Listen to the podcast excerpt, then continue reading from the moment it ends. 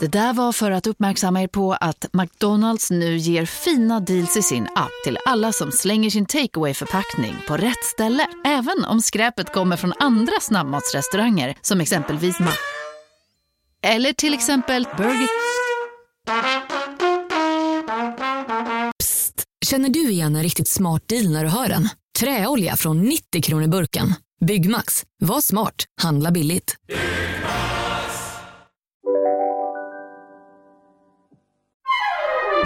Du lyssnar på en podd från Perfect Day.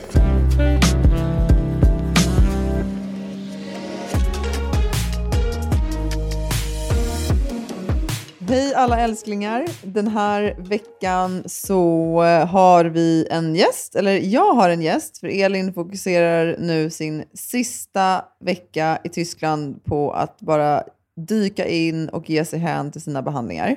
Och eh, den här gästen heter Emma! Hej Siran! Tack again. Hej, tjena. Välkommen tillbaka till podden! Ja, men tack. Det var inte så länge sedan nu ändå. Nej, det var inte det. Det var någon vecka sedan. Hur är läget? Hur mår du? Nej, men jag mår bra. Jag mår bra. Jag, eh, jag är ju i Stockholm och du eh, sitter i solen. Det ser väldigt, väldigt härligt ut. men, eh, men det är bra. Jag, jag har varit inne i stan och jobbat idag, så det blev perfekt att kunna hoppa in här i poddstudion. Det är så proffsigt allting här. Ja, Visst är det det? Ja, verkligen. Man, man, man tror ju kanske att det bara är så här, att det inte är sånt stort maskineri bakom eh, det här med poddar. Men herregud, det är så mycket kompetenta människor på Perfect Day som man eh, liksom häpnas faktiskt varje gång man är där. Och det är verkligen superproffsigt alltihop. Ja, det är otroligt, verkligen. Du, eh, du har klippt dig också ser det ut som. Ja, men det har jag. Jag, eh, jag gjorde en så här spontanare på lunchen. Eh, jag eh, har ju, som du vet, en historia av att klippa mig själv hemma när jag är lite eh, uttråkad eller andan faller på. Det brukar bli eh, kreativt. Ja, jag har ju lugg nu till exempel. Den, eh, den klippte jag ju själv för några veckor sedan. Eh, och sen dagen efter så kände jag nej jag vill nog inte ha lugg så nu har jag mer bara kort hår åt sidan. Men, eh, nej, men så han, var faktiskt, han, han var inte så dömande den här frisören eh, mot att det var väldigt olika längd eh, i håret. Nej, vad skönt. Du är ju annars ganska van vid att de frågar vem i hela världen har klippt dig. Ja, jag brukar faktiskt säga att ah, men det är en kompis som ville, hon ville testa. Vadå? Kan du inte stå för det? nej, jag känner att eh, alltså jag försöker ändå få det jämnt. Men, Ja. eh, men en av mina värsta klippningar själv, eh, då, ja, det var faktiskt ganska pinsamt, men, men då, det var när jag pluggade så hade jag inga pengar. Ja. Och sen så kände jag att jag behöver verkligen eh, liksom, göra någonting. Så då tänkte jag men jag kan gå och slinga håret. Och så ringde jag ju en frisör. Herregud, Ja. Ja, och så, och så frågade jag vad det kostade och så frågade han hur långt hår jag hade och kände jag att jag kan inte betala liksom, för hela håret. Jag har inte Det går, råd. alltså, jag har inte råd. Nej, och då sa jag att men det är liksom strax ovanför axlarna. Då sa han ah, men då blir det typ 1200 kronor eller vad det skulle bli. Och då var jag tvungen att liksom, rusa hem från universitetet eh, och så hade jag bara köksaxeln. Liksom, eh, och så fick jag ju kapa det. och sen, och sen så här, ta mig till frisörsalongen. Vem gör något sånt? Nej, men och då, alltså, han, på, han var ju så här, oj, oj vad, här, det är väldigt ojämnt här bak. För det blev ju kort liksom, i nacken. Och, och då frågade han ju om, om han skulle liksom, eh, liksom fixa till det, men jag hade inte råd med det. Så jag var så nej, nej, nej, nej, nej. Alltså, det, det är ingen fara, vi kör färg bara. Åh, herregud, säger han. Ja, men det växer ut. Alltså, det är ju bara hår. Vad spelar det för Åh, roll? herregud. Ja, men det är ändå så här, det är så kul för att in liksom, the vanity av att du så gärna ville ha de här blonda ändå. Och sen slutar det ändå med att det blir liksom zigzag. Ja, nej men för, förlåt Sirian, får jag då bara berätta om ett starkt minne från när jag var och hälsade på dig i Umeå? När du pluggade där. Nej. Jo, snälla! Om det har med mitt ordningssinne att göra, så undan Ja, det. har det. Okej, Nej, och det, så här, det som jag tycker är så fantastiskt Sirian, det är att Mm. med tiden och med åren så växer och utvecklas vi alla. Och saker vi gjorde när vi var unga, vi lägger, liksom, vi lägger bort de sakerna och så väljer vi nya vanor. Så att Ja. ingen skugga ska falla över den nuvarande Emma. Men jag vill bara, för att det, när Emma var student i alla fall då, då hade hon, hon flyttade direkt hemifrån upp till Umeå och började läsa på juristutbildningen. Och du hade ju då eh, lite olika typer av fokus. Jag skulle säga att eh, ett fokus var att ha kul, som, som väldigt många andra studenter. Mm, ja, jag kan säga att det var nog eh, mitt eh, nummer ett fokus. Skolan Ja. var...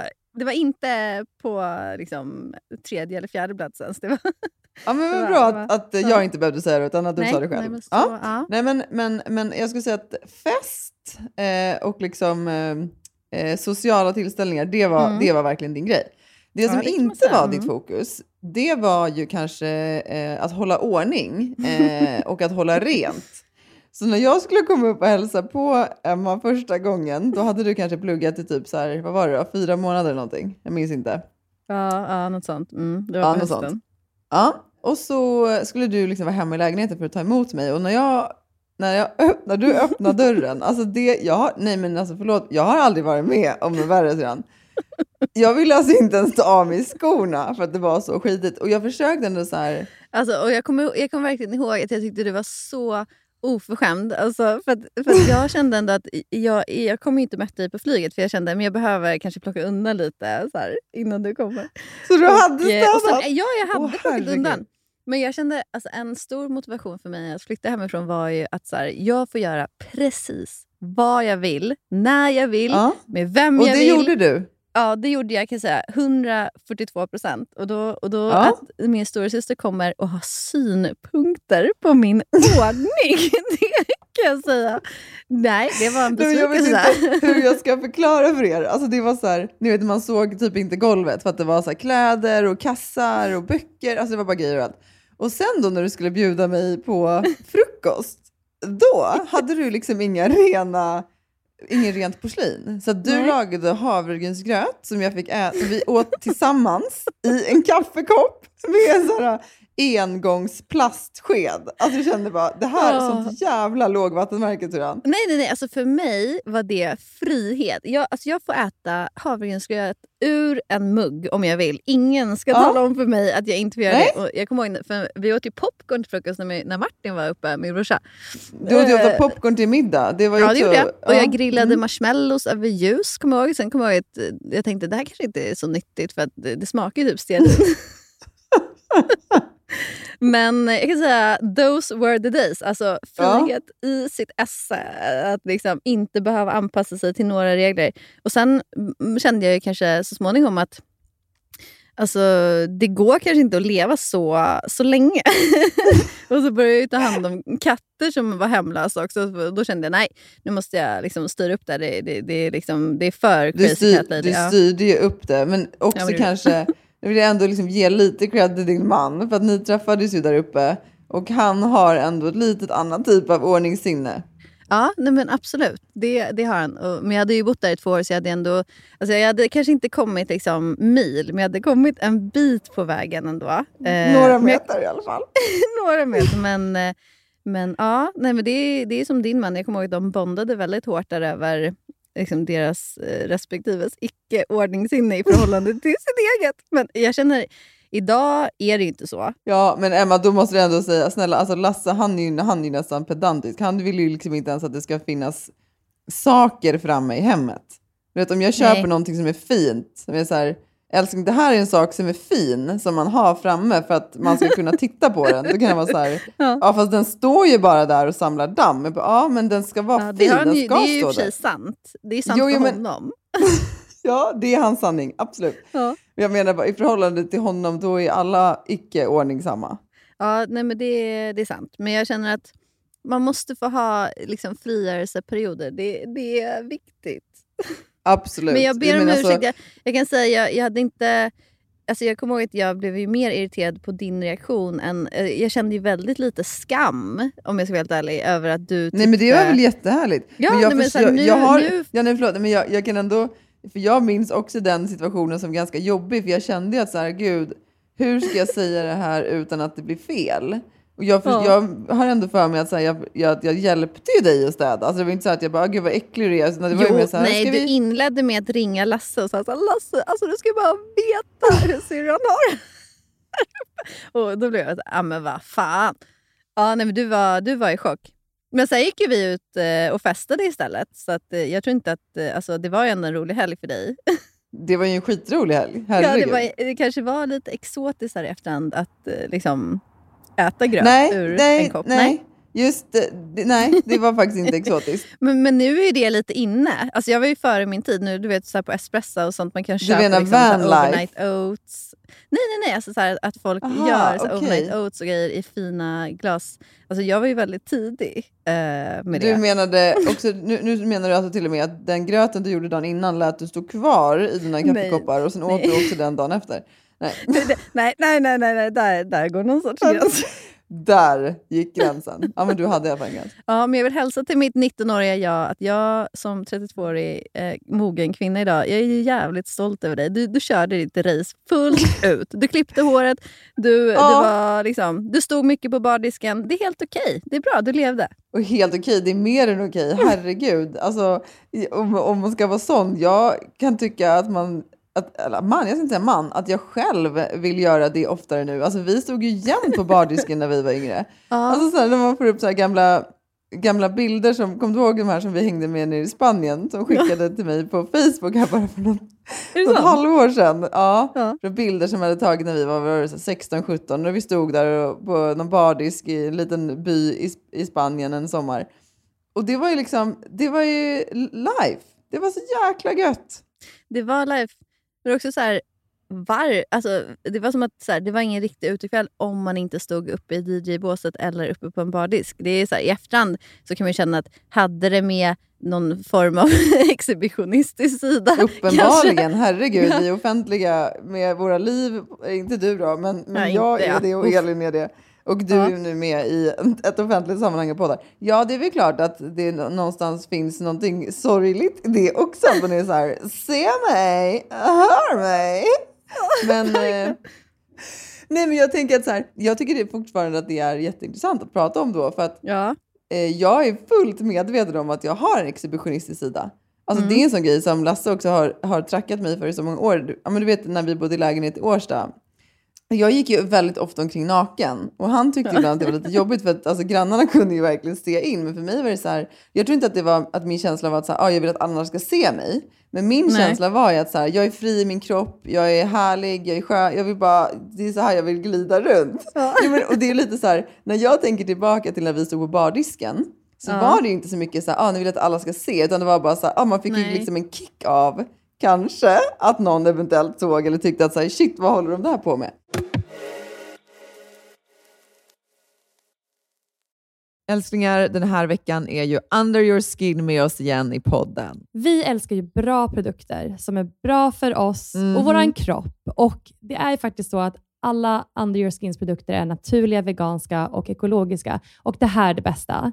Utan några onödiga kemikalier. Det vill vi inte ha. Saker som kan påverka vår kropp negativt, det vill vi bara bort. Usch, försvinn. Ja. Eller hur? Vi har jobbat med Under Your Skin länge och eh, vi har fått lite frågor eh, kopplat till deras produkter. Så nu tänkte vi bara lite kort idag köra lite lyssnarfrågor. Kul! Eh, en fråga vi har fått är ju hur snabbt minskar håravfallet från och med att man börjar använda eh, ja, men hair growth? Ja, just det. Alltså, precis, för de har ju ett eget hair growth kit. Jag använder ju den och har ju använt den nu eh, ett bra tag. Och jag var tvungen att faktiskt gå in och kolla på deras hemsida vad de skrev. För min upplevelse var ju att det, det minskade bara redan under första veckan. Det gick jättefort från att jag kunde känna skillnad när jag borstade håret på hur mycket hår som fastnade i borsten. Då har jag ju såklart också kikat och det är ju faktiskt det också som de själva rapporterar. Att det ska gå så fort om det inte är så att man har någon särskild diagnos. Ja, såklart. Ja, men gud Ja, vad grymt. och, ja, men, så det är en sån här sak med att ja, men det som man borstar, då ser man ju hur mycket som kommer på borsten, men också, alltså, man skulle till och med kunna typ, så väga håret bara för att se ja. skillnad. Jag märker jättestor skillnad. Ska eh, vi vi har en till lyssnarfråga, Ja, eller men, hur? ja, men exakt. Eh, har du någon? Det här är en fråga som jag tycker är skitbra. Det är så här, kan man kombinera hair growth serum med detox shampoo och balsam?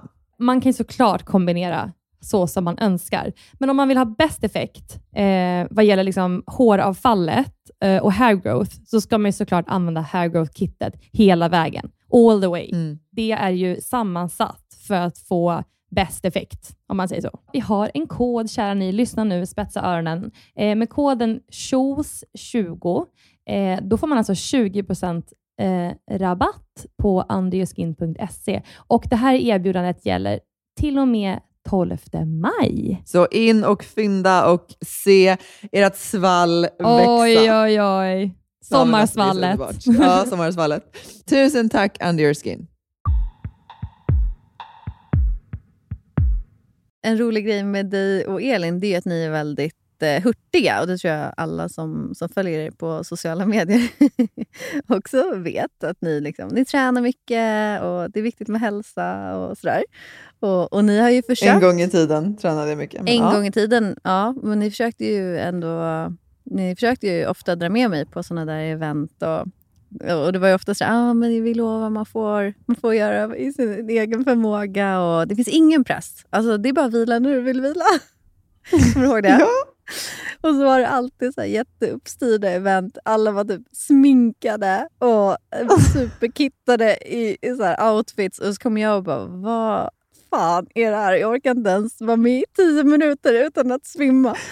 Och det var, och så, men då hade vi ett uppehåll där, för jag, jag kände ju bara att jag blev för irriterad. För det är inte alls så att jag får vila. Vi hade ett uppehåll där ett par månader och så var det något event där som, som du ändå lyckades övertala mig om att jo, men jag lovar, det kommer inte bli som de här andra gångerna. Jag lovar. Alltså man, får, man ska springa. Man får springa i sin egen takt. Det finns en grupp på 6.30 som du kan vara med i. Och, och det blir jättekul. Vi får umgås. Det är kul. Sådär. Kommer du ihåg? Ja, jag kommer ihåg. Då får jag ge lite Mm. kontext. Det var när du var run coach, va? Exakt, då var jag coach ja, precis för, för Nike Run Club. Och då var Mm. det ett, ett lopp som vi skulle... Det var väl så lansering av en ny sko eller någonting. Och jag tror vi var, Ja. det var väl i alla fall typ så här, det var ju över 100 pers. Det var ett jättestort team. Och vi skulle så springa liksom, förbi Slussen, förbi Fotografiska där va? och sen upp för den här långa trappan och Ja. ner vid Slussen och så här. Ja, men en så här fin stads... eh, Det var ganska kort, det var fem kilometer för mig. Ganska kort. Okej, alltså, ja, så säger bara en träningsmänniska om fem kilometer. Eh, eh, förlåt, förlåt. Men då, då för jag ska bara ge det också då kontext. Mm. Vi hade ju alltid löpning då varje vecka och fem kilometer var den kortaste sträckan. Så jag vet att för mig är fem kilometer idag också, eh, inte långt, men, men det är inte jättekort heller. Ja, förlåt, nej, fortsätt. nej.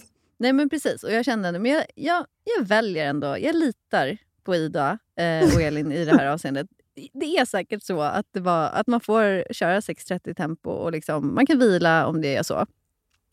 Eh, och så kom jag dit och, eh, och så var det någon, jag kommer ihåg i början, för jag hade ju fått så Nike, jag, ni hade ju, jag hade fått Nike-kläder av er. Och så var det någon i början som frågade om jag kunde tänka mig att, att bli fotad i slutet tillsammans med två andra. Och, och jag tänkte så här, ja, alltså det kan jag väl bli. Så här, eh, ställer upp liksom. Eh, och så drar ju det här igång och det är absolut inte 6.30 tempo om vi säger så, utan det är ju väldigt, väldigt mycket snabbare. Och, och du, jag kommer fortfarande ihåg hur du så här sprang bak till mig flera gånger försökte försäkra dig om liksom, oj hur går det? Och, så här. och jag, blev ju, jag var ju bara så sjukt irriterad till slut, för jag, jag kunde inte andas. Alltså, det var så jävla jobbigt i den här hopen av extremt peppiga träningsmänniskor som var jätteglada. Och, och jag kände bara, nej, alltså det här går inte. Och sen upp för den där långa trappan. Va, va, va, vart är den? Alltså den är ju liksom 52 000 trappsteg också, rakt upp. Alltså det, Ja, då- den, var ju, där- den var hemsk, det håller jag med om. Ja, men där kände jag nu räcker det. Eh, och då var det ju liksom hälften av, av sträckan kvar. Och då var det, no, det var ju så influgna coacher från Amsterdam. Alltså det var ju sånt jäkla pådrag. Och det var ju någon av dem som försökte peppa igång mig. och var såhär, come on girl, you can do it. Jay, ja. Ah, det var, och jag kände bara, alltså du förstår inte. och så till slut var jag verkligen tvungen att så här, så säga till på skarpen så här, no, I'm not going to run, I'm gonna walk, okej? Okay? Han var så här, ah, okej, okej. Så det slutade med att alla springer iväg och jag går. Jag, alltså jag, jag, orkar inte springa en sekund till. Och sen så till slut så kom vi fram där vid operan och alla står ju och väntar och ser så här liksom otåliga ut. Och jag, och jag, liksom, jag tror jag, jag försökte liksom jogga de sista hundra meterna in i mål. Och då, då var det direkt, ja, Emma, eh, så här, kom upp i fronten här, nu ska vi springa. Och så skulle det vara den här fotograferingen. Och det, det hade ju inte jag förstått, att det skulle vara ytterligare löptur inför fotograferingen. Och så drar det iväg igen. Samtidigt som jag skulle försöka hålla masken och bli fotograferad. Alltså, det var, jag, jag kommer ihåg att de var så här, vi, vi får ta om de här fotona. Ja, det är ju... ehm, tack för att du fortfarande är min syster och inte sa upp kontakten. Ja, men jag inte, sen den dagen så har jag aldrig varit med er någonsin på träningsevent igen. Jag känner att ert förtroende är förbrukat. Men jag uppskattar ändå att ni försökte, eh, även fast det inte blev, det blev liksom inte helt bra. Du har varit med syrran, men du har, vet också att du har varit på andra... Vi, alltså jag tror det är också så här, Jo, men jag var med på ett event med yoga och, och champagne, men då, då, det då var det jag med yogan, då drack jag bara champagne. Jo, jo, men det jag skulle säga med så här, jag, jag har i alla fall insett det nu när jag själv inte alls är lika vältränad längre och jag liksom inte Mm. tränar med samma frekvens. Nu tränar jag så här, tränar jag en gång i månaden så är det eh, en bra månad. Jag har- ju inte alls tagit hand om mig själv eh, det senaste året eller ett och ett halvt året. Eller så har du tagit hand om dig själv på andra sätt. Nej, nej, jag har inte det. Jag skulle verkligen, Nej, nej. eh, Jag, jag skulle, mitt hjärta hade behövt eh, liksom, jobba och jag hade behövt, eh, liksom, eh, liksom, jag hade behövt vara lite starkare. Jag, jag känner det. Jag känner inte alls att jag känner mig nå stark och, eh, och eh, pigg i kroppen längre. Utan, eh, och så vill jag inte känna. Alltså, jag är bara 34 år. Så att, nej, jag har inte, i det avseendet har jag faktiskt inte tagit hand om mig själv. Men det jag skulle säga i alla fall var, när jag under den perioden tränade väldigt mycket, Mhm. och det, det är det här som jag tror, det har jag insett nu. Då var det så här, det, och det här är återigen när man pratar om så här att inse sina egna privilegier. Jag tror att det var ganska svårt. Vi, jag tänkte nog att så här, ja men 6.30 fart, vilket ju var det de hade sagt att det skulle vara. Så att, eh, det var ju därför jag hade försökt få med dig. Det tänkte jag så här, men det springer ju alla utan problem. Alltså det är ju liksom mysfart för alla. Men Ja. det är det ju inte. Och det vet jag ju idag, när jag inte, är, när jag inte springer frekvent på samma sätt.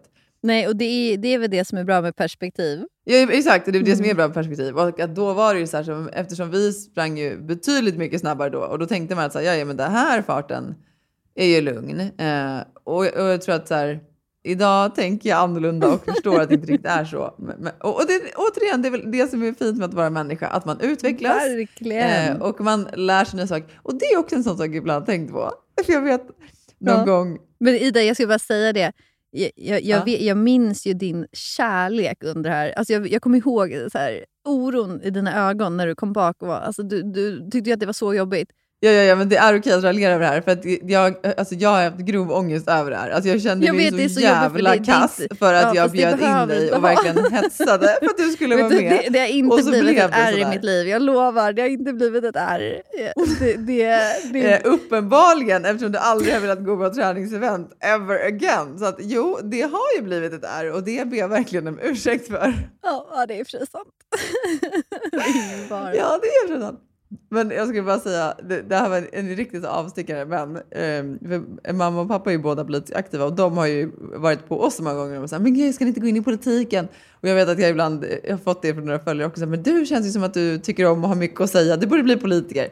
Och då har jag ofta tänkt så här, nej, alltså jag är ju en person som ombestämmer mig och lär mig och utvecklas och, och tänker annorlunda hela tiden. Jag skulle aldrig kunna vara liksom, på, på så sätt som många politiker måste vara statiska i att så här, har du tyckt någonting när du var 22 då skulle du kunna stå för det när du är 42. Jag bara herregud, jag tyckte säkert hur mycket konstiga saker som helst när jag var 22.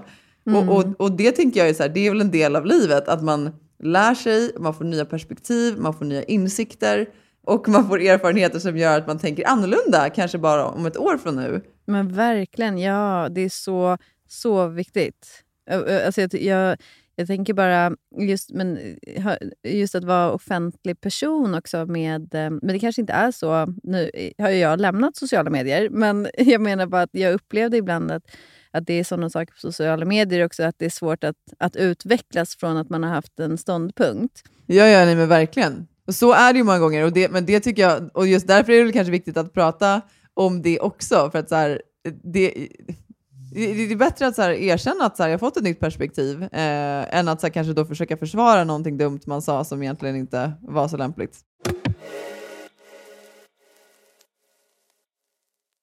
Okej, men nu när du är här, då skulle ju jag vilja ta tillfället i akt att prata om någonting som jag faktiskt har fått ganska mycket frågor om Mm. eh, på mina DMs. Eh, men också när vi har annonserat att vi ska ha Q&A så fick jag mycket frågor om det här.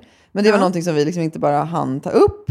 Och av olika anledningar, jag och Elin har väldigt olika erfarenheter naturligt kopplat till det, så därför har vi heller inte pratat så mycket om det. Men du är ju också mamma Ja, vad och spännande. har två barn. Och eh, jag tycker det vore så intressant att liksom, för, för du, din andra förlossning, det var ju en dröm. Mm, mm. I alla fall för mig, när jag liksom tänker mig så här, målbilden av en förlossning. Så jag, Ja. jag tycker vi ska um, uppehålla oss lite kring det idag. Jaha, ja, vad spännande. Och ehm, jag skulle ju jättegärna vilja höra lite om, eh, om din andra förlossning som ju var som en dröm. Ja, men, eh, men det var jag, jag var väldigt inspirerad av dig där med eh, det här med hypnobirthing. Eh, Ja. Eller, visst hette det så? Ja, hypnobirthing, precis. Ja. Nej, men, eh, Vi kan kort berätta vad det är då. Ja. Ehm, för, för det är också en sån sak som många har skrivit och frågat om, hur, hur jag förberedde mig för mina förlossningar. Och det var precis det som du sa, Emma, den andra gången. Det handlar egentligen om att om ni googlar på hypnobirthing så kommer det komma upp eh, massa information. Men det handlar egentligen kort om att man försöker försätta kroppen, eh, och, eller sitt, så här, sitt medvetande i typ en hypnos. Det är ju liksom en, så här, ett sätt att meditera och att förbereda kroppen och sinnet och liksom medvetandet för vad som ska ske. Och tanken är att man liksom tränar på det här inför förlossningen och det, man jobbar också med olika så här typ av affirmationer. I have prepared my mind and my body for this day. And I am more ready than ever before. I totally accept and embrace the pain sensations of labour because I know that they are me and so they can't be stronger than me. Ja, men till exempel, kom du ihåg den här My baby will come when my baby is Ja, ready. den, var, den är stark. Ja. Den är sjukt bra. Jag som gick Ja. över tiden två veckor andra gången, den var sjukt bra. Nej, Ja. men, så man jobbar jättemycket med så här affirmationer som man gör på olika sätt. Och man sitter i liksom, ja, men, så här, djup meditation. Och, och, och det handlar egentligen om att då, så här, göra sig redo helt enkelt. Förlåt, det var en avstickare. Du ska få fortsätta Nej, nu. nej, men det, Ja. det är exakt det. Eh, men jag tror för att eh, under min... Eh, sen är det svårt att veta så här, liksom, första och andra förlossningen, vad beror det på att de är olika? Alltså man har ju såklart en helt annan erfarenhet när man föder andra barnet. Gud ja. Men, eh, Ja men förlåt, börja där då, första. ja, men min första var väl mer att jag tänkte men jag, jag, jag tar det som det kommer. Och, alltså vill jag ha smärtlindring så tar jag smärtlindring och så vidare. Och det blev ju att jag, de sa efter ett par timmar att så, här, men nu, nu rekommenderar vi att du tar epidural. Då hade jag ju provat allt annat. Och jag hade Mm. inte jätteont men de sa att det kommer ta lång tid så det, det är bättre att du tar det. Eh, och Det var som att jag slappnade av då och då började det göra jätte, jätteont faktiskt när jag väntade på epiduralen. Ah, och jag kommer ihåg ja. att när jag fick den, och det känner jag fortfarande, alltså det är Guds gåva till mänskligheten. alltså den känslan, att gå från stark, stark smärta till att vara Ja. helt bedövad. Alltså det var ju out of this world. Jag, jag, jag Ja. somnade ju och... Ja, nej men, men i alla fall, sen så... Eh, sen är det ju inte så för alla, men för mig stannade det ju av mycket då. Och det blev liksom dropp och eh, Mm. här verkstimulerande, vilket i slutändan inte blev en så här supertrevlig upplevelse. Så Nej. inför andra så tänkte jag så men, alltså det hade varit intressant att se hur kroppen skulle föda utan det här verkstimulerande. Alltså hade, om Mm. jag hade upplevt verkarna på samma sätt, för de kom ju så himla snabbt och, och de var så himla starka. Ehm, så det var ju därför jag kollade mycket på det där med hypnobirthing. Och, och, ehm, och det var så intressant för jag upplever att just det här med att lita på att kroppen vet, eller att Mm. kroppen kan. Det var Mm. väldigt stor skillnad för mig. För att första förlossningen så hade jag läst mycket och vi gick den här Föda utan rädsla-kursen. Och, och jag att jag kanske inte kunde ta till mig verktygen riktigt. För för mig blev det mer som att jag var tvungen att göra saker eh, för att hantera smärtan. Mm. Medan hypnobirthing var mer så här, du behöver inte göra något. Nej, och det där, du sätter ju verkligen fingret på det som jag tycker är så här hela som, som jag har saknat så mycket i hela så här förlossningsvården, men också i så här sättet man blir bemött. Jag skulle dock säga att så här, jag har fått ett fantastiskt bemötande av de som har varit med mig under mina graviditeter och så där. Jag är väldigt tacksam för det. Men, men jag kan känna att så här, den delen i hur vi pratar om att föda barn, den liksom har vi så här helt tappat. Alltså, vi tänker liksom... Jag, jag vet inte, jag känner, jag känner också att jag hade... Jag tror att man hade varit mindre rädd mindre orolig om man hela tiden bara hade fått veta att så här, kroppen vet vad den ska göra. Alltså, sen så sa kanske sköterskorna det, och så kanske det var att man inte kunde ta in det första gången. men att det istället, istället för att så här, okej du ska ha dina x antal andetag och du ska göra dem så här och han ska trycka så och hålla emot sig och du ska gör, gör, sätta dig i den här positionen. Alltså du vet, som du säger, det har varit mycket så här fokus på Alltså man ska prestera någonting. Medan hyperbirding handlar ju mer om att bara så här, släpp taget, let Ja, go. Alltså försök ja. att bara, försök att bara andas. Det är det enda du ska fokusera på. Du ska fokusera Mm. på att få in luft i kroppen och få ut luft i kroppen. That's it. Ja, ja, kroppen Ja. gör resten. Det enda du ska göra är att inte intervene. Exakt, och kroppen vet på samma sätt som att kroppen har liksom byggt upp den här lilla människan i, i kroppen. Så, så vet kroppen hur den här lilla människan ska komma ut i världen. Alltså det tycker jag ändå var... Just bara att, att så här, acceptera eh, så här, födelseprocessen, eller vad man ska Mm. säga, var ju väldigt intressant. Eh, och, men återigen, alltså jag vet inte om jag hade varit så här, mottaglig för det. Jag vet inte hur du kände för, med liksom barn nummer ett. Man vet inte så mycket kring hur det kommer kännas och om man blir rädd av smärtan eller vad som helst. Jag tycker det var en helt annan grej att föda barn nummer två. För att jag visste, jag visste på riktigt att smärtan inte är farlig. Det kommer komma en bebis. Eh, så här, me- mer så. Ja, alltså man visste ju någonstans så här hur smärt... Alltså man, man visste var toppen var, om, om man ska förklara. Alltså man visste att så här, så här ont gör det, men sen gör det inte mer ont. Eh, Nej, för Men det jag har jag tänkt fråga dig. Jag har faktiskt glömt det. För, alltså, upplevde du det här som de säger att verken alltid bara stegrar? nej, Nej, för det upplevde inte jag heller. Jag, alltså, när jag inte hade smärtlindring så tänkte jag så här, men gud, de, they have been lying to me alltså, my whole life. Så Alltså- kändes det lite att, så här, vadå stegrar hela tiden? Det kom Jo, ju, jo, men alltså de, de, jo, de blir mer och mer intensiva. Det tycker jag. Men, men sen håller de sig på en platå innan det går över. Men det är så här, okej, det finns Ja. många av er som lyssnar som inte har barn. Men, och för er som vet så vet ni redan då. Men, men när man föder barn så först så börjar man ju liksom i en fas där verkarna är väldigt eh, eh, sporadiska och de kommer liksom med väldigt långa mellanrum. Ehm, och sen i takt med att liksom man närmar sig ja, men så här utdrivningsskedet så blir, blir verkarna mycket, mycket tätare. Eh, och de, då är det oftast ibland bara liksom att man vilar 30 sekunder till en minut. Alltså de kommer väldigt, väldigt tätt. Och sen är de mer intensiva. Och det var det jag menade. Jag tyckte att så här, de, de mest intensiva verkarna, de är ju verkligen precis innan man börjar krysta.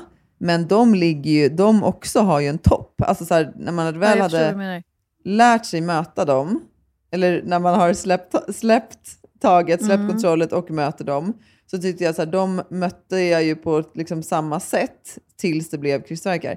Men jag vill bara säga, det du sa om för första gången, ja, och det här som jag, och nu det, det är ju så svårt, för vi kan aldrig veta det eftersom vi nu har fött barn. Mm. Men jag var ju så här väldigt inställd på till exempel att jag inte vill ha smärtlindring. Mycket för att jag är generellt en person som säger jag, jag vill helst inte ta liksom, medicin eller läkemedel om jag verkligen inte behöver det. Alltså, jag har alltid haft Nej. en väldigt stark tilltro till att min kropp min, min kropp liksom vill lösa allt, eh, bara, bara jag ger den rätt förutsättningar. Och sen smärta, jag, för det vill jag verkligen så poängtera, det som du säger också med epiduralen. Det är helt fantastiskt att kvinnor inte behöver ha ont när man föder barn. Ja, det tycker jag verkligen. Det är verkligen, ja. Eh, men för, det var inte för mig. Eh, och det var ju dels för att så här, jag, jag tycker det kändes obehagligt att jag skulle bli bedövad. Att jag inte, jag är också så här gammal idrottare. Jag har ju alltid haft väldigt så här god kroppskännedom, alltså kroppskontroll. Och det tyckte jag kändes... Jag såg ju liksom förlossningen som att här, jag skulle göra mitt livslopp. Mm. Och om jag då inte skulle ha kontakt med mina muskler eller med min kropp när jag skulle göra mitt livsprestation, då, det, det tyckte jag kändes skitläskigt. Så därför, det var en stor del till att jag inte, och det sa jag förra avsnittet också, att jag inte ville ha epidural. Men jag, det, det jag skulle komma till var att jag tror att om jag hade haft en annan bild av vad det innebar att föda barn Mm. eh, och vad, alltså, ja, men hur det ska kännas eller hur det känns. Och om jag hade fått en annan typ av kanske så upplevelser förklarade och berättade för mig. Mm. Då tror jag också att jag hade gått in med ett mycket större lugn. Mm, bortom prestationen eller? Ja men alltså om du tänker dig själv, vad är det vi ser på tv när någon föder barn? Mm, det var en kamp. Det är alltid en kamp. Eh, Mm. och också de här eh, sensationerna som läggs ut på YouTube med olika influencers eller icke-influencers som lägger upp sina förlossningar. Och det enda man, liksom, man får se hur hemskt det är och folk pratar bara om det är så jävla vidrigt och det gjorde så jävla ont, jag skulle dö, jag trodde jag skulle dö. Och det, det tycker jag är problematiskt. Och det är också så som man Fast själv... så kan det ju är väl- kännas verkligen. Jo, jo, så kan det verkligen kännas. Men det Ja. jag menar är att det är ju den bilden som alla har av födda barn. Jag Jaha, vet när jag ja. jobbade på mitt, på mitt förra jobb eh, Mm. så var det jättemycket unga tjejer. Och så ville de så himla så här, men kan du inte berätta om hur det att föda barn? Så. Mm. Jag, är så, jag är så jävla rädd för att föda barn. Alltså jag, jag kommer ta snitt för att jag, är, jag är så sjukt rädd för, för smärtan. Alltså jag, jag, måste, jag måste få snitt. Och Du vet, så som redan var stressade över att de hade förstått att det var svårt att få snitt. För att man var så rädd för att föda Ja. barn för att det skulle göra så ont. Ja. Och det i mig, det tycker jag är väldigt ledsamt. Ja, det gör ont. Alltså det gör sjukt ont. Mm. Men det kan också vara, för mig, är det så här, jag har sagt dig sedan, nej det blir nog inget till barn. Men det är en sorg i mig att jag inte kommer få föda ett till barn. Nej. Så häftigt tycker jag att det är. Ja, jo, det, det är ju verkligen superhäftigt. Men, men det, är- det är intressant. För jag, tror, eh, jag tycker det liknar lite det här med amningen. Att, alltså, om man hade förstått kanske hur... Man kan ju inte förstå hur ont det gör att föda barn. Men kanske att det inte Nej. är något farligt. Att man hade jobbat mer från, utifrån det perspektivet. Exakt. Det är, det är jätte... Det gör jätteont. Det är samma som att vara gravid. Vi har ju också olika upplevelser av, att vara gravid, du och jag. Jag har ju tyckt Mm. att det har varit jättejobbigt att vara gravid. Och liksom Mm. spytt varje dag och haft jättemycket foglossning, inte kunnat gå. Du har ju också haft väldigt tuffa graviditeter, så det är inte så konstigt att du har tyckt det varit jobbigt att vara gravid. Ja. Ja, och sen även med amningen, att det, det, det tog det typ två månader innan det gjorde, liksom, slutade göra så ont att jag inte grät när jag ammade. Alltså, det är ju så sjukt jobbigt. Ja, ja, gud ja. Alltså, och samma som, det är ju jätte, jättesvårt och jobbigt, att, eller svårt, men det är jättejobbigt och det gör jätteont att föda barn. Men jag tror att om man hade haft ett liksom, även jag hade en jättebra barnmorska och om man hade fått liksom ännu mer support därifrån och kunnat prata ännu mer om den födelseupplevelsen och även upplevelsen efter med amning eh, generellt så tror jag att det hade varit lättare för många. Jo, men det är ju så här, det, det finns ju, det har de gjort studier på också där man har sett att alltid när man, har, när man har fött barn, då får man ju sen rita sin upplevelse. Och då ska man ju då alltså, i det lägga in så här, men, smärtan man kände, bemötandet man fick, eh, liksom, förloppet, hur det gick till, när väl bebisen hade kommit och så vidare. He, liksom, helheten så får man ge en poäng till. Och eh, då har man ju sett att de som alltid har en barnmorska hos sig, eller som har liksom typ samma team och alltid har närvaro av någon, de har generellt sett en mycket, mycket bättre förlossningsupplevelse. Ja, men det förstår jag. Ja. Ja, och det förstår jag också. Det, här, det finns en poäng med att, så här, att dola liksom, ökar. verkligen. liksom, för att man behöver ju det, det supportet. Men det jag menar är med att så här, jag, jag tycker att det är... För till exempel inom så här, den här hypnobirding, det man pratar om, till exempel den första saken man säger det är att så sluta titta på negativa förlossningsvideos. Aha. Titta inte på förlossningsvideos eller om du befinner dig i ett sammanhang där någon börjar berätta om jättehemsk historia eh, och du känner att så här, nej, det här kanske inte var så positivt. Att liksom vänligen bara så här, vet du, jag, jag har lite kämpat med det här. Jag, jag, Är det okej om vi pratar om något annat? Eller bara gå därifrån. För det de menar är att så här, vi, har, vi är redan så matade med att det är läskigt, det är liksom mycket oro, det kommer vara mycket smärta, det är mycket vi inte vet.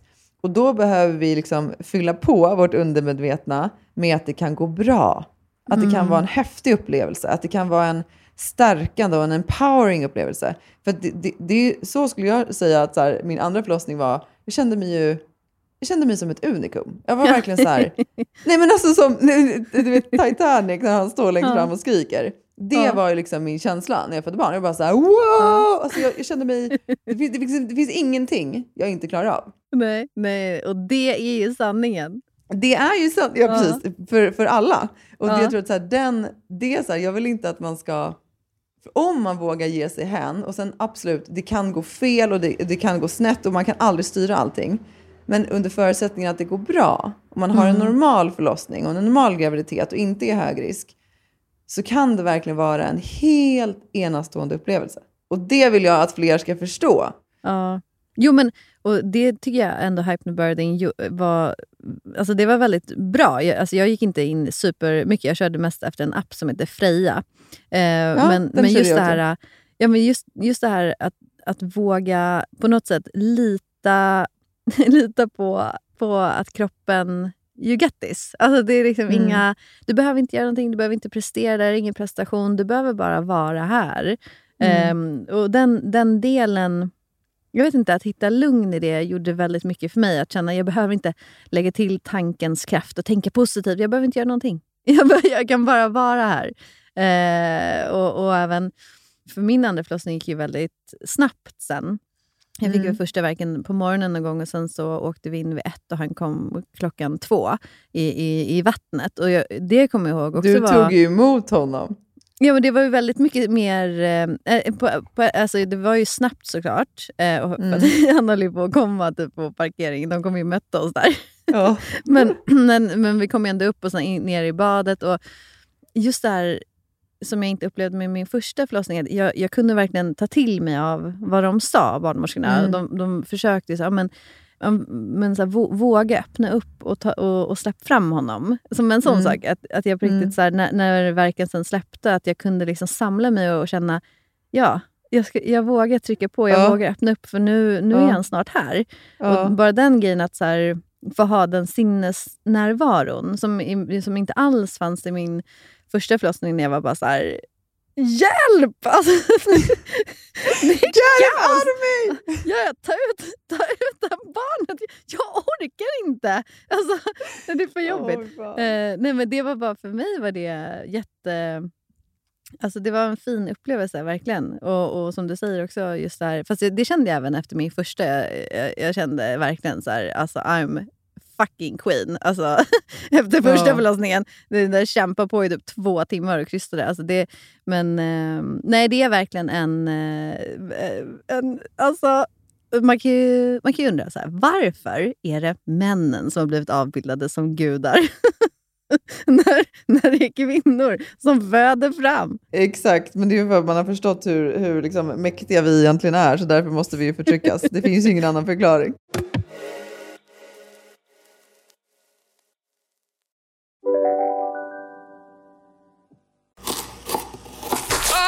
Dåliga vibrationer är att skära av sig tummen i köket. Ja! Bra vibrationer är att du har en tumme till och kan scrolla vidare. Få bra vibrationer med Vimla. Mobiloperatören med Sveriges nöjdaste kunder enligt SKI. Demideck presenterar Fasadcharader. Dörrklockan. Du ska gå in där. Polis? Effektar? Nej, Tennis tror jag. Pingvin. Alltså jag fattar inte att ni inte ser. Va? Nymålat! Men det var många år sedan vi målade. Demideckare målar gärna, men inte så ofta. Välkommen till Unionen. Hej! Eh, jo, jag ska ha lönesamtal och undrar om potten. Ja, om jag kan räkna med övertidsersättning för det är så stressigt på kontoret jag jobbar hemma på kvällarna så kan jag då be om större skärm från chefen för annars kanske jag säger upp mig själv. Och hur lång uppsägningstid har jag då? Okej, eh, vi börjar med lön. Jobbigt på jobbet. Som medlem i Unionen kan du alltid prata med våra rådgivare. Jag, jag, jag kommer ihåg så tydligt från min första förlossning, för då, då var jag också mycket mer så här rädd för smärtan eftersom man inte visste vad som skulle hända och jag tyckte det var, det var liksom Eh, och, och mitt, mitt eh, vad ska man säga då, så här, verkarbete, det tog väldigt lång tid. Jag vet att vi kom in typ så här, ja, jag, jag höll på väldigt länge i alla fall och hade ju ingen smärtlindring så det, det, det, det var kämpigt. Min man var ju med er in på för- förlossningen. Ja exakt, just det, han var ju med oss in, han fick följa med i bilen. Han tycker fortfarande att det är ett sånt fantastiskt ögonblick. Ja, det var ju så fint. Ja, ja, det var kul. Ja. Nej, så här, de körde ju så akupunktur på mig och du vet, gjorde sådana där grejer. Ja. Nej men gud, det var ju så fint att han var med. Nej men då kommer jag i alla fall ihåg vid ett tillfälle när det var väldigt nära att jag skulle börja krysta, att jag så här, jag tänkte, och då hade jag tagit eh, lustgas. Det, var, det är den smärtlindring jag har tagit, så det är ju i och för sig smärtlindring. Ja. Men då kommer jag ihåg att eh, jag så här, tänkte, att så här, gud vad är det för djur utanför? Alltså är det, så här, det, är någon, det är någon kossa som står och bräker där. Jag verkligen, jag verkligen så här reflekterade över det liksom, mitt, Gud, mitt märkligt. Det här är sjukt verk. alltså. Ja. Ja. Och sen så, så kom det där lätet igen, du vet bara någon minut senare. Jag bara, ja, då, då trillade polletten ner. Jag bara, men det är ju jag! Du vet det här. Vad roligt. Som man kan låta man föder barn. Ja. Men, men andra gången så använde jag mig mer av det. Alltså då var Ja. jag mer så här, du vet, då kände jag mer att det gav mig kraft. Alltså du Ja. vet de här väldigt så här, djupa lätena. Men vi Ja. var också i sån symbios andra gången, jag och, jag och Lasse. För att han, var ju så här, han visste att jag hade hållit på med det här hypnobirthing. Jag hade hade ju liksom velat att han skulle läsa på lite om det också, vilket han ju verkligen hade gjort. Alltså, vi har ju alltid varit ett team så. Så vi satt ju Mm. ibland på kvällarna och kollade då så på positiva förlossningsupplevelser. För sådana som hade gjort då hypnobirthing och meditationer tillsammans. Så, här. Så, när, så när vi väl var på väg in, det gick också väldigt snabbt för oss andra gången. Då, eh, så på en gång så bara så här kopplade han in min, min låtlista. Jag, Jakob, jag ska ge dig en av de här låtarna. Jag blir fortfarande typ så här, alltså jag, jag får gåshud när den, här låten går på för att det var liksom den jag födde barn till. Och då går det Ja. på så här, ja men så här väldigt, eh, väldigt, väldigt fin musik. Och så bara drog han upp den där på högsta volym och så satt jag där med min, för det var ju liksom, Oh det var det som var min partner liksom i, i barnafödandet, den här låtlistan. Ay, Men gud, vad jag magiskt. hade ju, nu, nu ska man ju för sig säga det då, med tanke på det jag har sagt nu, att man inte ska lyssna på negativa historier. Min andra förlossning, jag tycker fortfarande att den var väldigt fin, men jag skulle säga att om man är förstagångsföderska och stressad över plats och så vidare så, så, så ska man kanske inte lyssna på det jag ska berätta nu. Men Nej. när vi kom in så, eh, så fanns det ju inte plats. Men du Ehm, födde också i slutet av juli. Precis, jag föddes i slutet av juli. Och jag hade ju ringt in lite tidigare liksom under kvällen och sagt att så här, men nu är det nu är det igång. Eh, och då var de så här, men kan du försöka stanna hemma, det är fullt och sådär. Och det gjorde jag. Och jag gillar ju att liksom göra det mesta jobbet hemma. För jag tycker att det är skönt att komma in till sjukhuset och sen inte behöva vara där så Mm. länge. Jag gillar liksom inte riktigt den, alltså, man, man, av, man bryts liksom lite i, i sitt mönster och i sin lilla bubbla tycker jag, man, när man har gjort sitt jobb hemma. Mm. Och då måste man liksom börja om och hitta det på sjukhuset. Så jag, det, var liksom inte, det var inte en jättestor uppsida för mig. Men då i alla fall, så jag, så jag var så här, men absolut, vi stannar hemma. Och sen ringde jag in en gång senare under kvällen och då hade liksom alla gått och lagt sig. Våran, min svärmor var där, Lasse låg och sov med Lycke. Eh, vi hade liksom packat allting för vi förstod att så här, det är nog dags nu. Mm. Eh, men jag kommer ihåg att jag låg ner i, i vardagsrummet och så tänkte jag så nej men jag ringer in nu för nu börjar det ändå bli ganska intensivt. Så. Mm. Och då sa ju hon på en gång så här, men eh, kan du stanna hemma lite till för det är fortfarande fullt där.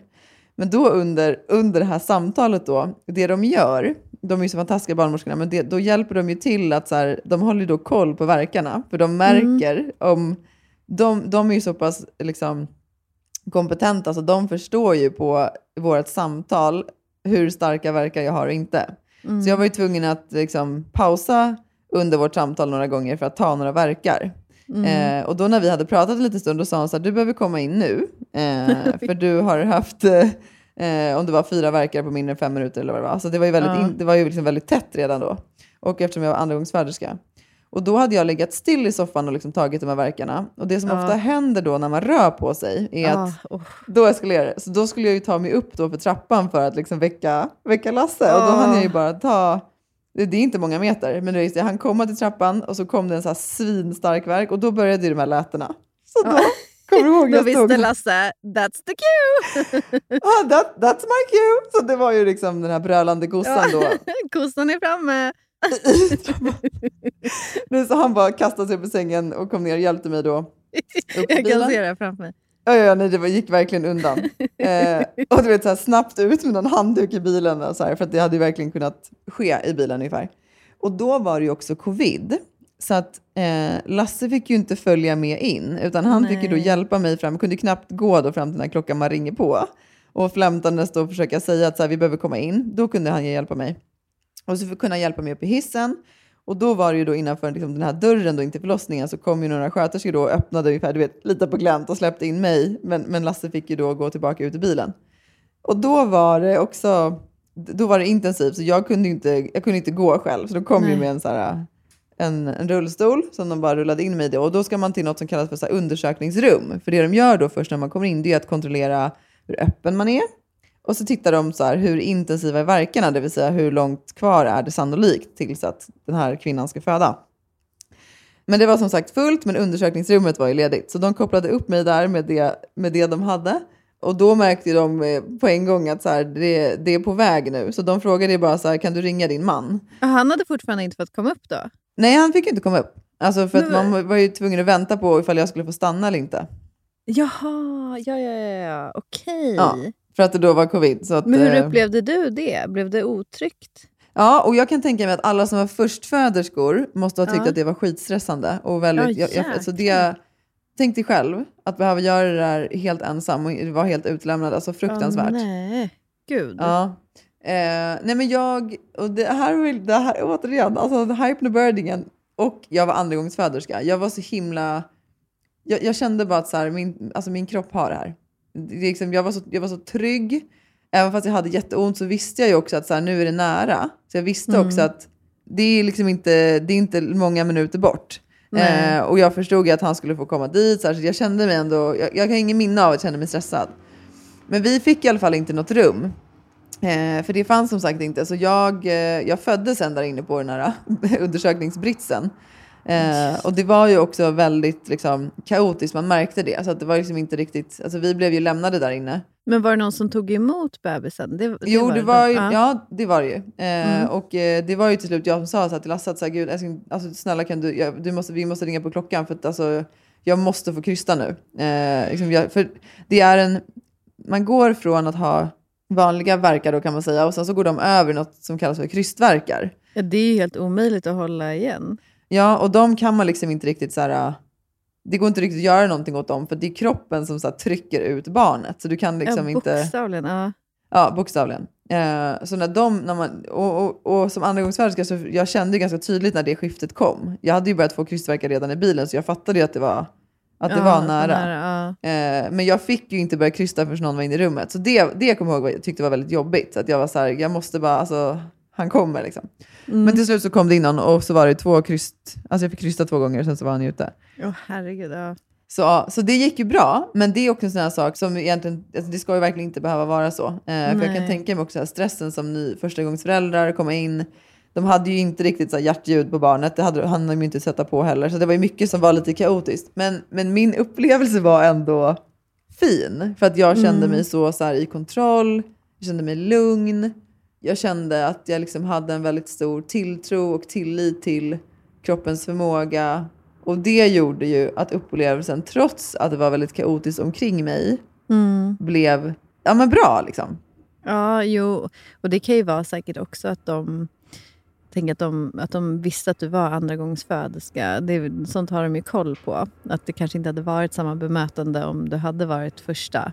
Eh, alltså att du var tvungen att vara själv i ett undersökningsrum. Ja, gud ja. Och jag tror också, jag menar, jag gav ju sken för att så här, det är okej. Mm. Alltså, så Ja. att jag tror ju såklart också att de, de såg att så här, det här kommer gå vägen. Ja, jag måste säga, det är kul för att när jag kom in andra gången, det var ju väldigt likt Ja. allt du berättar, men, men, eh, men de stannade Ja. kvar på rummet. Jag, tror, men, jag, jag, jag utstrålade Vilka kanske stannade kvar på rummet? nej, men jag utstrålade kanske inte exakt samma lugn, för de, de försökte så här, ja du kan ta av dig kläderna. Jag bara, jag kan inte röra mig, ni får ta av alla kläder. Jag rör mig inte, fläcken gör, alltså det gör så ont. Så de var så här, här finns det behov av att vara kvar i rummet. Men eh, ja, det, är, det är ju verkligen en otrolig upplevelse. Ja, på många sätt. Och det är som du säger också, här, om, man, om man tänker på det att, eh, eh, som du säger, hur, hur skevt det är att det är liksom män som avbildas som gudar och inte vi kvinnor. Alltså, för, för det finns ju också, det är också en sorg i mig att jag tänker ibland på det, så här, men om män hade fött barn, alltså jag, så, de, att det är så att för de här stackars barnmorskorna också, de är, alltså, de är helt, helt jävla enastående. Alltså jag, har sån, jag har sån beundran och sån respekt för den yrkeskategorin och det de gör. Men att liksom tvingas som det, som det var liksom under den kvällen när jag var där. Alltså jag vet ju, min barnmorska hon hade ju typ så fyra stycken samtidigt som hon så sprang emellan. Det, alltså, Nej, det är helt sinnessjukt. Nej, men alltså på riktigt, det är som du säger. Om, om män hade varit de som födde barn, då hade man kunnat föda barn på ett så jäkla mycket bättre och smidigare sätt. Och du hade varit omhändertagen. På satinlakan, uppkopplad, eh, kollandes på någon Netflix-serie. Medan... Nej, men om man kollar generellt uppåt i Sverige också. Eh, jag vet ju bara, som, jag är ju mycket eh, är ju ingift i en, en eh, familj från Tornedalen. Och, och de Mm. där uppe måste ju åka vad är det, två timmar i mörka skogar för att komma till Luleå och föda barn. Alltså, det är Ja. ju helt sinnessjukt att det ser ut så. Ja. alltså, Ja. det, det är inte rimligt. Här ska man få, få liksom föda fram eh, bara det, den emotionella påfrestningen som det innebär också att gå igenom inte bara kroppen liksom, utmaning utan att Gud, på alla ja. sätt att få känna sig trygg i den, i den händelsen som är liksom bland det största du kan gå igenom. Eller eh, som jag tycker i alla fall. Det är Och ju den att- största. Ja, gud ja. Ja, och, och då att det ser ut så för många kvinnor att, att du måste ta dig flera, flera, flera timmar och åka liksom 40 mil till närmsta förlossningsklinik eller sjukhus. Mm. Det, är- det är så förkastligt på alla sätt Ja, det är vis. verkligen det. Alltså vem, vem på riktigt? Alltså, å, återigen, hade man velat åtgärda det så hade man kunnat göra det. Alltså, utan tvekan, det går. Vi kan lägga liksom fler procent av BNP på försvarsbudgeten med en fingerknäppning, men vi kan inte säkerställa att kvinnor får säkra förlossningar. Nej. Nej, och Okej, det är inte en här- det är inte en bra jämförelse, men du förstår vad jag menar. Jo, det är faktiskt visst en bra jämförelse. För det, det, det är någonstans det det handlar om. Det, det är lite som du också alltid, det, du sa ju det i avsnittet som du var med i förra gången sedan, det här med att om man ska, man måste våga lyssna på en arbetsgivare som säger att de tar jämställdhet på viktigt, men som visar någonting annat. Och det är ju lite samma sak med liksom, Mm. våra politiker och makthavare. Och man är så här, jo men det är klart att kvinnans rätt är viktig. Det är klart att det är Ja, viktigt i förlossningsvården. But then do something about it. Alltså det är så, här, så jävla svårt kan det inte vara. Eh, och, och, och, att, så här, att man ska ens, att det, bara det, att här, det ska ses som en kvinnofråga. Att man ska behöva Ja, göra upprop för att så här, jo men hej, vi, vi, eh, vi föder fram mänskligheten här, men vi skulle bara, om vi bara ber om ursäkt en liten stund, bara, får jag får jag prata en sekund här, så jag bara, om jag kan undra, så jag skulle bara vilja, är det möjligt att göra det lite mer tryggare, lite mer säkert och kanske kan, kan vi kanske få plats när vi ska föda? Eller? Ja. Vet inte? Nej. Nej. Men på riktigt, det, det är så under all kritik så att det är helt sinnessjukt. Och, för det håller jag också med om, om man tänker bara generellt hur världen är så upp och ner. Alltså barnmorskor borde vara de mest högst betalda, okej läkare också obviously, alla inom vården. Ja, fast barnmorskor, alltså det är, frågan är om det inte den ska vara där, där uppe alltså. Jag menar att inte vi värdesätter den kompetensen. Vad, vad, är, alltså, vad säger det om oss som samhälle i stort? Ja, vad verkligen. säger det? Att det, just Det signalvärdet det, är ganska tydligt. Ja, signalvärdet är ju väldigt tydligt.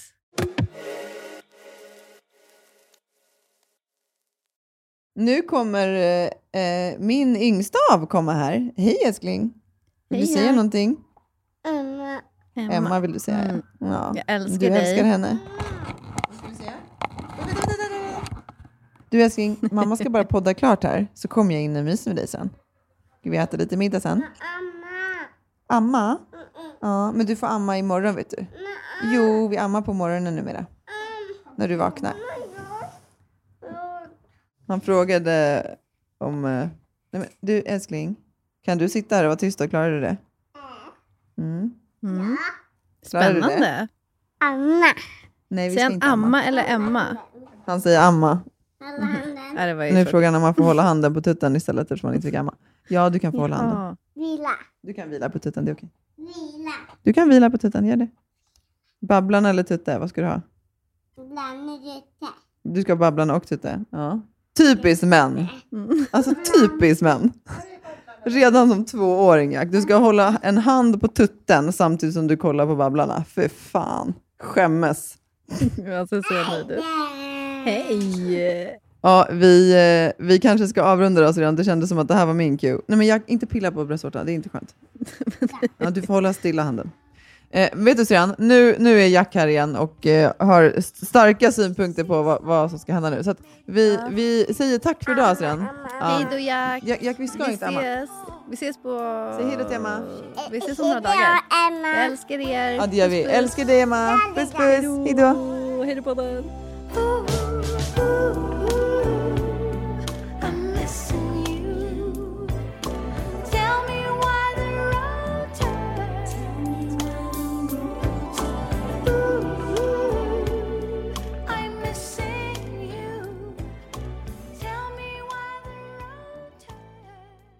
Den här podcasten är producerad av Perfect Day Media.